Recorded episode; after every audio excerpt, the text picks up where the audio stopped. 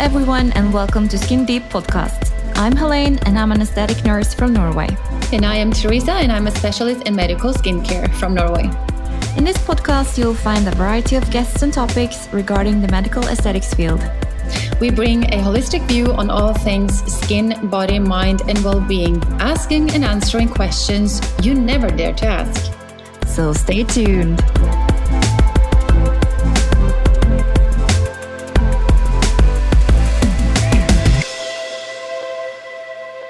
Hello everybody and welcome to this episode of Skin Deep Podcast. We are honored to welcome Dr. Matthias Aust for this episode of Skin Deep Podcast. Dr. Aust is a German plastic surgeon practicing for over 18 years in the aesthetic and plastic surgery field. He is one of the leading researchers in the field of skin needling, focusing on skin rejuvenation and regeneration scar treatment, and collagen induced therapy and other strategies in anti aging medicine. He was awarded the professor title while he completed his thesis on the topic of percutaneous collagen induction to treat deep burn scars with needling, amongst other things. In 2014, Dr. Aust won the Best of Europe Prize for his research on skin repigmentation given by the German Society for Plastic and Aesthetic Surgery. In 2015, he received the Fiona Wood Passion Award in Cambridge, UK. Dr. Aust is a member of the German Society of Plastic, Reconstructive and Aesthetic Surgery. And in 2019, he became the director of Aust Aesthetic, a private clinic based in Germany. We are excited to have you. Welcome very much, Matthias. Hi, Teresa. Thank you very much for the invitation. It was a pleasure. How are you doing? Very, very well. Very excited to to see you again. Yeah, nice to see you too. Well, the other people who hear this won't see you, but yeah, it's a pleasure to see you. so, how was your journey for all these accomplishments? What did you start off with? How did you even think of becoming a doctor in the first place? Uh, well, I think this journey started more than uh, 20 years ago, uh, ago already. Uh, at that stage, I was a young doctor and I lived in uh, South Africa. Uh, and that was just my first touch with plastic surgery. I worked there in a public hospital uh, for plastics and plastics there was mainly like reconstructive surgery after burns, burn failures or bone failures, etc. And at that stage, uh, a doctor from South Africa was just uh, acknowledged as one of the m- most famous of out of three people most famous plastic surgeon worldwide. His name was Dr. Des Fernandes, and he, as I said, he was also from Cape Town, South Africa, and he came to to visit the department. And just imagine, Teresa, me, I've been young, I've been male, and I've been a surgeon. So the last thing I believed in was like creams or minimal invasive things. I thought, you know what, this is all a, a waste of time and money. And that was something which I didn't hide back. and I got into conversation with Dr. Des and he was not like pushing me away saying, oh, you're a stupid idiot. He was more like, you know what? That is something what I really like. I like somebody who's skeptical. And he encouraged me to do, to do unsponsored uh, basic research. And that's how I started with research on uh, skin in general, on scars, etc. And all the, the prices you were reading down, I think it's just, uh, that comes by age and I'm old. So that's the reason I think. you are not old. You're young as a stallion. So, did you accomplish all your goals, or can we expect something more from you in the future?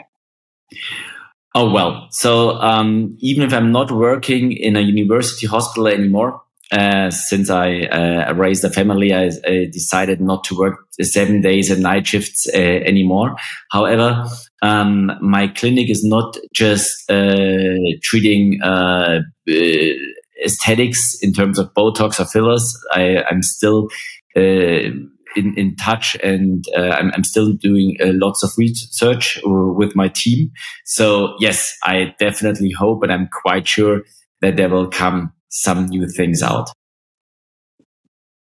I am sure. Very excited to see what the future has in hold for you. Um, what is the most important aspect of aesthetic and plastic surgery? Well, um, I hope I understood this question the right way. So if you ask me what is the most important thing that the patient is happy after the treatment, I think it's three parts. The first part is the talk to the patient in advance to see what expectation the patient have, to talk to him and, and, and really show them different options, but also with very honest consequences. Like if you want to have a, a, a, a tummy tuck, you will have a scar. Like if you want to have a facelift, you will have a scar. Like if you want to, to use Botox, you will not uh, make the skin condition better. So that's, that's the, I, I call it free treatment. Then obviously how good the surgeon is. So one that is the second part is how good you operate and uh, how good you are trained.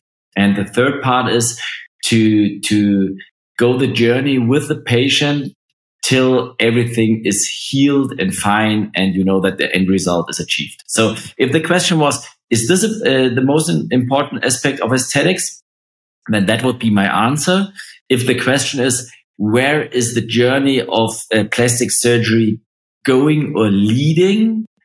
I think time has changed tremendously within the last couple of years in terms of uh, if you ever look in, in one or two decades ago, it was all about tightening and it was all about maybe even artificial.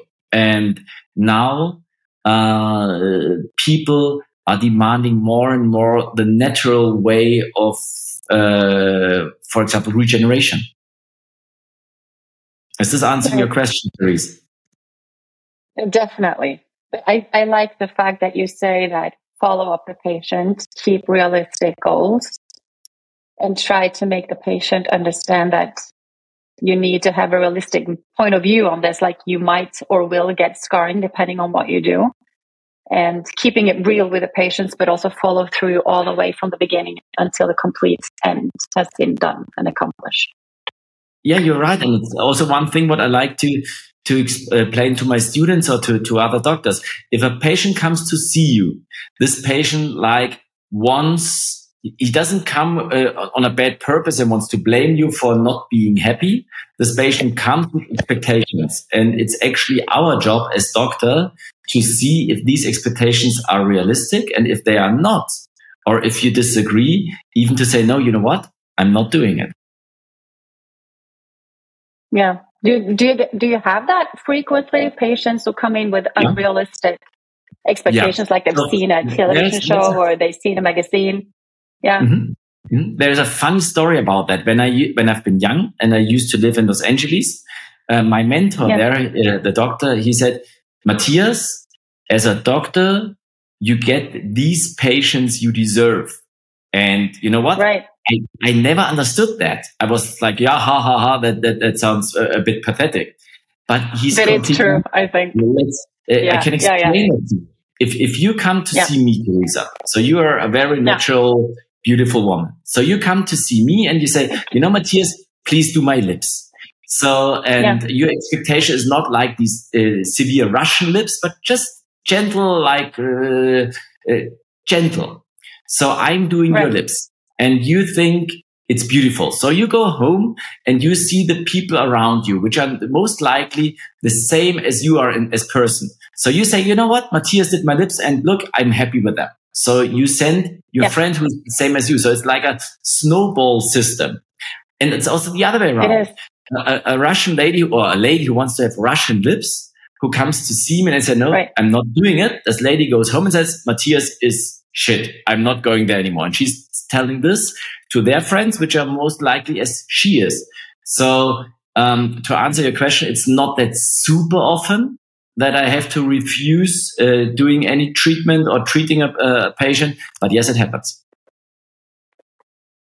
Is that also a little bit of moral standards and ethics in the whole industry? Yes, of to course. actually put up boundaries for patients. You see those in, in, intense I don't know, they, the patients who have gone way aboard and almost destroy their own body just for, for a certain way to look. And it's not healthy. It's not exactly putting your body into the correct homeostasis by doing all of it in the first place. So I think it's important that you put in some boundaries to patients and saying, I will do this, but not this. It's moral and ethically not, not right of me to do as a serious surgeon. Absolutely right. I or think I this, this, this coin has also a second side. The first uh, side of the coin is, is, exactly as you said. It's something ethically and moral, but also yeah. uh, the, the, the second part is um, when I treat a patient, uh, this is then my you can call it my walking like um, how do you say uh, commercial. So if if somebody walks around and it's good looking people say wow i'd like to go to see that doctor too. If somebody walks around and says everything is too much and, and, and unnatural and uh, not nice this person is still walking and people will see that and say oh no maybe that's not the right doctor to go what is the number one reason for women in particularly to come to, to, to seek out a plastic surgeon in the first place? Can you mention some reasons? Why? Um, is it, is it because it's a trend? Is it social standards? Is it is it social media that puts up a certain look that people should have, or is it is it self esteem and, and not being content in their own bodies, or a mixture? Well, honestly speaking, maybe it's also a reason uh, that I'm from the countryside in Germany, not in a, in a main capital. I, we always ask our, our patients, so what made you contact us? And it's not right. that often that people say it's social media, it's Instagram or whatever. So it's not the main uh, patients I get. It's more than people say, you know what? I'm annoyed of this one thing uh, of my body since long time. And now I heard about you, and uh, that's why I'm sitting here uh, to to speak to you. So that is more likely the reason therefore, and I think that is fine. Uh, I mean, everybody of us has days when you look in the mirror and say, "Oh, you know what? It's not so bad what I am." And then you have days when you look yeah, in the mirror yeah. and "I really gotta Who see is something. that person." Maybe you don't have that. You don't have that. oh, oh, oh, I do. Trust me, I do have those days more often than I should probably. Sometimes I do believe that as a woman, we see ourselves differently than the rest of the people around us see us. And some women, I know women in particular, can be quite hard on themselves for not looking perfect, not having the right breast size or not having the right cheekbones. Maybe it's always something to complain about do you have that patients who are too hard on themselves and you say well you're you, are you are good as you look but what does that do to the psychology of this person the, their mental state I, th- I think uh, we are coming back to the to the answer of this one third, one third, one third. The pre-talking is super important, and obviously, you know, if, if somebody sits here and and says, you know, I want that to be changed in my face, for example, you, you got to explain that you can't make them uh, be 18 anymore or uh, 16 or, or whatever. So we can. It's not magic. we can try to improve. We can try to improve, and we can we can try also to help uh, to to make people feel more more convenient with themselves or more happy with with themselves. Um, however, again, the realistic expectations is something very important. Yeah, that's that's actually true. Um, when it comes to you, have done so much on on collagen induced therapy. Can you please explain what that is to the audience and maybe why sh- someone should do it or the benefits of doing it? Yeah, I, if if you want me to explain how I started that, so when you see the options you had to treat your face uh, 20, 30 years ago, that was, or, yeah. or, let's start the other way around. Um, when you have a frown wrinkle, it's perfect to be treated by Botox. When you have a nasolabial fold, it's perfect to be treated by hyaluronic acid. When you have a, an excessive skin in the face, it's perfect to be treated by a facelift, for example. However, none of these procedures is improving your skin condition. And if you have a look on the facelift out of the 60s or 70s, these uh, women looked very tight, but they didn't look younger because the skin condition was just not good. So yeah. then the industry started with uh, something very fancy in the 60s, which have been the lasers. And the laser started in the beginning ablative. Ablative means you rub off the surface of the skin, like with a CO2 laser. The bad thing right. about it was that you had uh, big risks in the long downtime. So you, you had a crust all over your face because you rubbed off the surface. You had the risk of dyspigmentation. You had the risk of scarring. You had a long downtime. And even after all the healing process, the skin looked tighter, but not more healthy. So then the industry started, okay, wow, maybe we should go from that aggressive to not aggressive. So then the so-called non-invasive lasers came up, like IPL, which have the positive about these is yeah. they don't have any downtime or any any risks. However, the results they are bringing is uh, not what you try to achieve. And so uh, our study uh, was about we, we, we, we've seen it the complete other way around. We wanted to regenerate. And uh, the percutaneous collagen induction, what you're talking about, or skin needling, which maybe m- more people will ha- have heard about that, is yeah, microneedling is quite used here. Or microneedling, yeah. So it's a roller or a stem, doesn't matter, yeah. with needles on. And these needles go into your skin in a certain depth and create a bleeding, yeah. a controlled wound healing bleeding. And the needles go out of the skin again. So, and the, and the cell layers close again. So it's not ablative.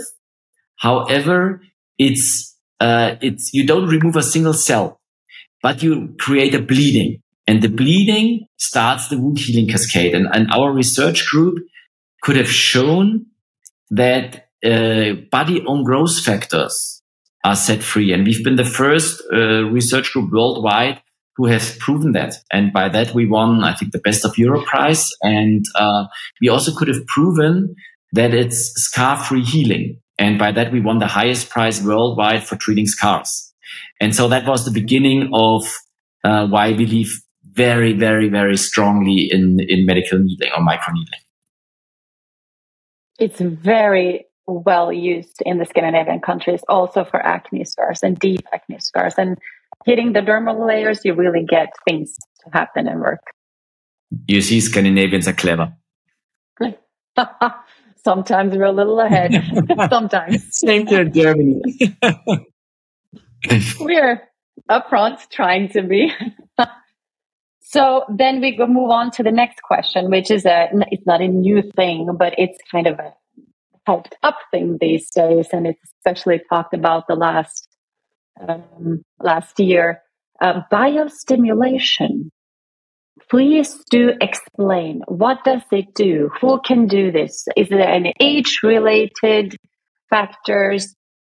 Yeah, so on yeah, and so forth. I, I agree. Biostimulation is maybe one of the hype or hip words in the moment. But if it you, if you it take is. the word everywhere, is, if you take the word as it is, it's a combination of bio, so biological, and biological. Mm-hmm. So it's nothing else than controlled stimulation of your body own cells. And but but uh, I, I, I really gotta say, but I really gotta say that I think uh, let's maybe don't use the word biostimulation, but let's use the word uh, regeneration. I think that is the future because uh, the time is over where you just want to be tight or uh, unnatural. It's all about regeneration, and there are plenty. It's not just needling; it's uh, fat transfer. It's PRP, like the, the platelet-rich plasma. It's uh, which is using the body's own components to exactly. regenerate and rejuvenate. That's, that's a perfect. That's uh, Therese. Yeah. That's a perfect explanation for that. Um, or you you using ingredients in your skincare which promotes the body to yeah to promote body own uh, growth factors and regeneration. So I believe in that. Exactly. Yeah. And there are a lot of products without mentioning any brand. We are brand neutral, but there are products out there who have biological ingredients as the substances and mimic the skin's own substances and therefore enhances further amongst the own skin's own barrier and collagen production and elastin productions in the fibroblast. It's interesting. It's really interesting. I also heard that, which which is important, before any treatment being done or surgery being done, the healthier skin you have in advance, the better it will regenerate and heal itself. The better results you will have. Right? True. What does healthy skin really look like, though? To you, to a plastic surgeon?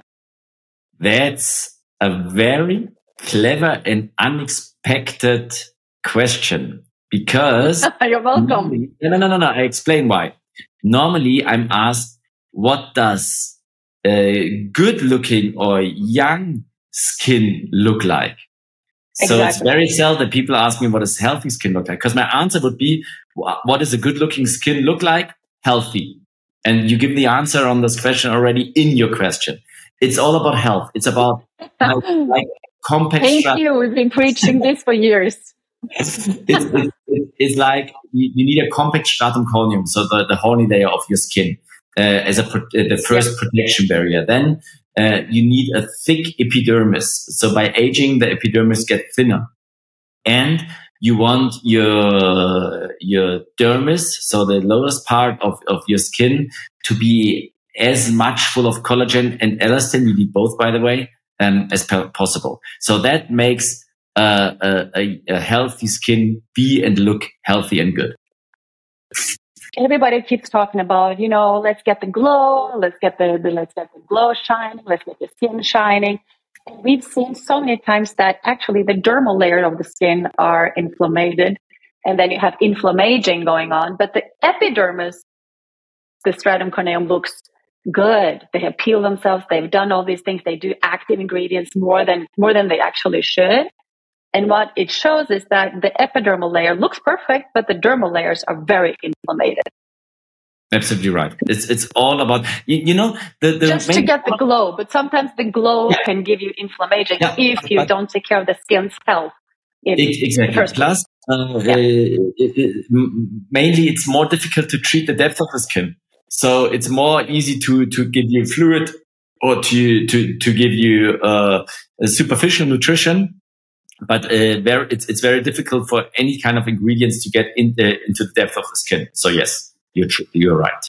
And that's peptides. Yeah, true. retinol. Retinol is a thing. Let's discuss retinol. what is it? Please explain our audience. Mm-hmm. Give it to me. maybe maybe we, we, we should uh, start thinking about what are we talking? Are we ta- really talking about retinol? Because people think retinol is vitamin A. It's just one part, one molecule of vitamin A. So, it's a derivative. And, and exactly. So there are many different forms of vitamin A. Vitamin A, without a shadow of the doubt, is super important for your skin. Very, very, very much. And you need vitamin A. You, you are not able, the body is not able to produce vitamin A by itself. So you either have to swallow it as a supplement, which is then taking long into the skin or being transformed by the liver, etc., or you apply it topically on the skin. However, what uh, now talking again on it getting deep into the skin or even in the nucleus of the cell, what we what we do need is retinoic acid. Retinoic acid yes. is the most active ingredient or a form of vitamin A. However, retinoic acid is very, I wouldn't call it aggressive on the skin, but irritant for the skin. So you, you end up with a retinol reaction, uh, which is like redness, itchiness, flaking, etc. However, we do need uh, uh, retinoic acid at our nucleus. So that's just for the beginning. Secondly, the form before uh, retinoic acid is retinol or even retinal with A, not with an O, but with an A. Yeah. These forms mm. are a bit less aggressive than the, uh, the, the acid form. But there's also the fat soluble form of vitamin A, which is the palmitate or the acetate form. And what people, yeah. What people uh, often miss or don't understand is that the body is able to, to, to transfer the one form into the other. So the retinol is transferred into retinal, is transferred into the retinoic acid. But also the fat soluble form, which is the littlest aggressive form, is transferred by an esterase, by a body own enzyme into the retinol form, into the uh, retinoic acid form. So if you ask me, is vitamin A super important for your skin care? Most definitely yes. And I think that's the key point if we are talking about really working uh, skincare. Must it uh, must it be retinol? Nope. It can be other. It can be the fat soluble form because the body has uh, the, the, the potential to transfer exactly. it by by itself. Exactly. Great. Who should use it and why?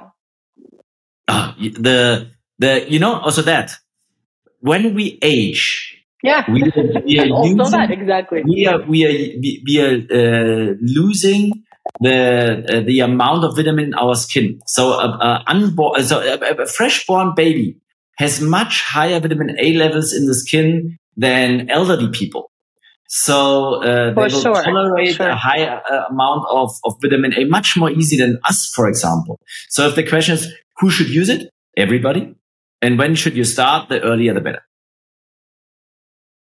I in, in high dosages, or do you want? Son, and he's using uh, also vitamin A in the cream when we when when I cream him after we had a bathtub or whatever. Which is so cute. So anybody, would you recommend to start on a lower dosage and then increase to the to a little higher it's, all it's, year round? Is recommended from you? It, you are so right. It's like if you do sports. If you overdo it, you'll end up with a hectic uh, muscle pain. So it's a step up system. You should start low in order to get your receptors of the cell to get used to this high amount of vitamin A again and you you you increase uh, the international units. Exactly. Just do you do you think or do you recommend people to take a break now and then, especially in summer? Maybe the skin gets a little more sensitive, or do you recommend to just keep going? Uh, again, there's if, a lot of discussions I, about I it. I would recommend them using the the alcohol, so the retinol or the, the the the acid form. I would tell them stop but I'm not recommending the alcohol, the acid form. I'm recommending the, the fat soluble form. And I, even in summer, it's more important because vitamin A in the fat soluble form is also an, an antioxidant. So it is uh, protecting the skin with a with a natural uh, sunproof factor already. So never stop. Okay. You sure? Come Scandinavian skin are sensitive skin mostly. uh, actually, I have one other question though. The term anti-aging, how do you feel about that term? It's again, it's like a uh, word. I don't like it. Thank you. Anti you, is like would you? and we'll all age. Let's call it positive aging or or healthy aging, or you can call it whatever you want. But anti-aging is, is, is simply stupid word. What is it to be anti?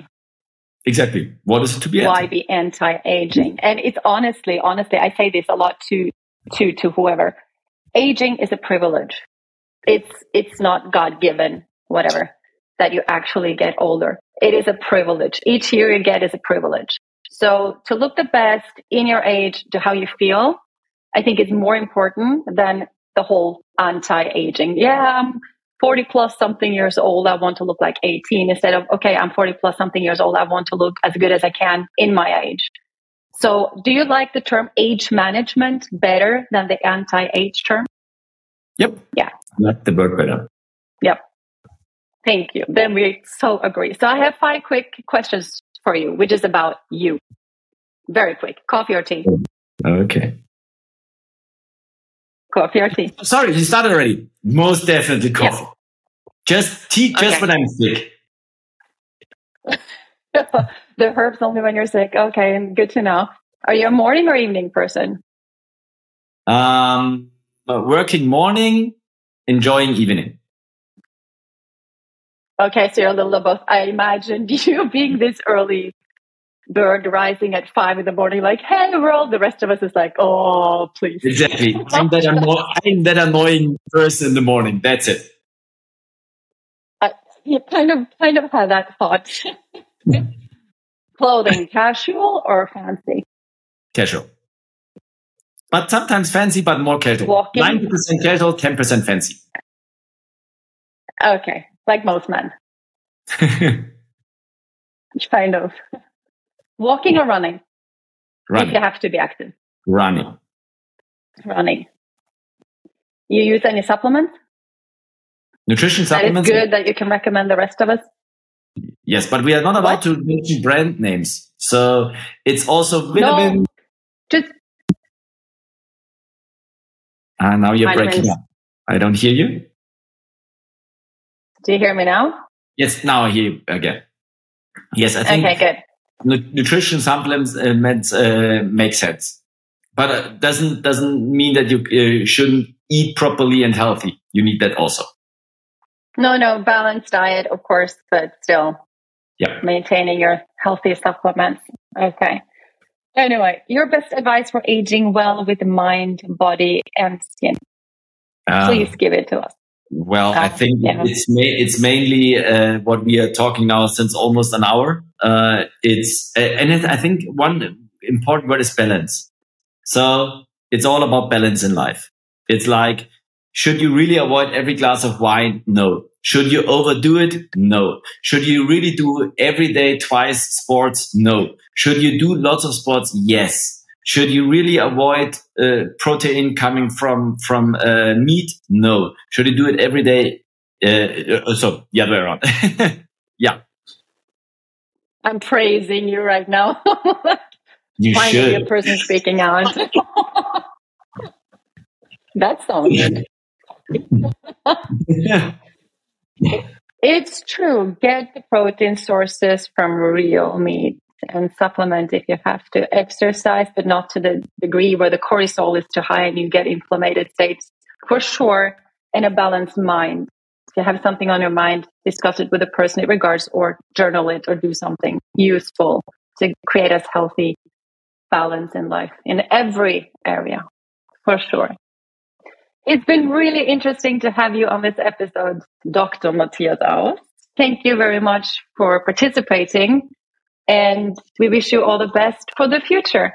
There is, it was so much fun. It's not just that, that I really liked the question, it was also lots of fun talking to you. So I hope that was not the last time.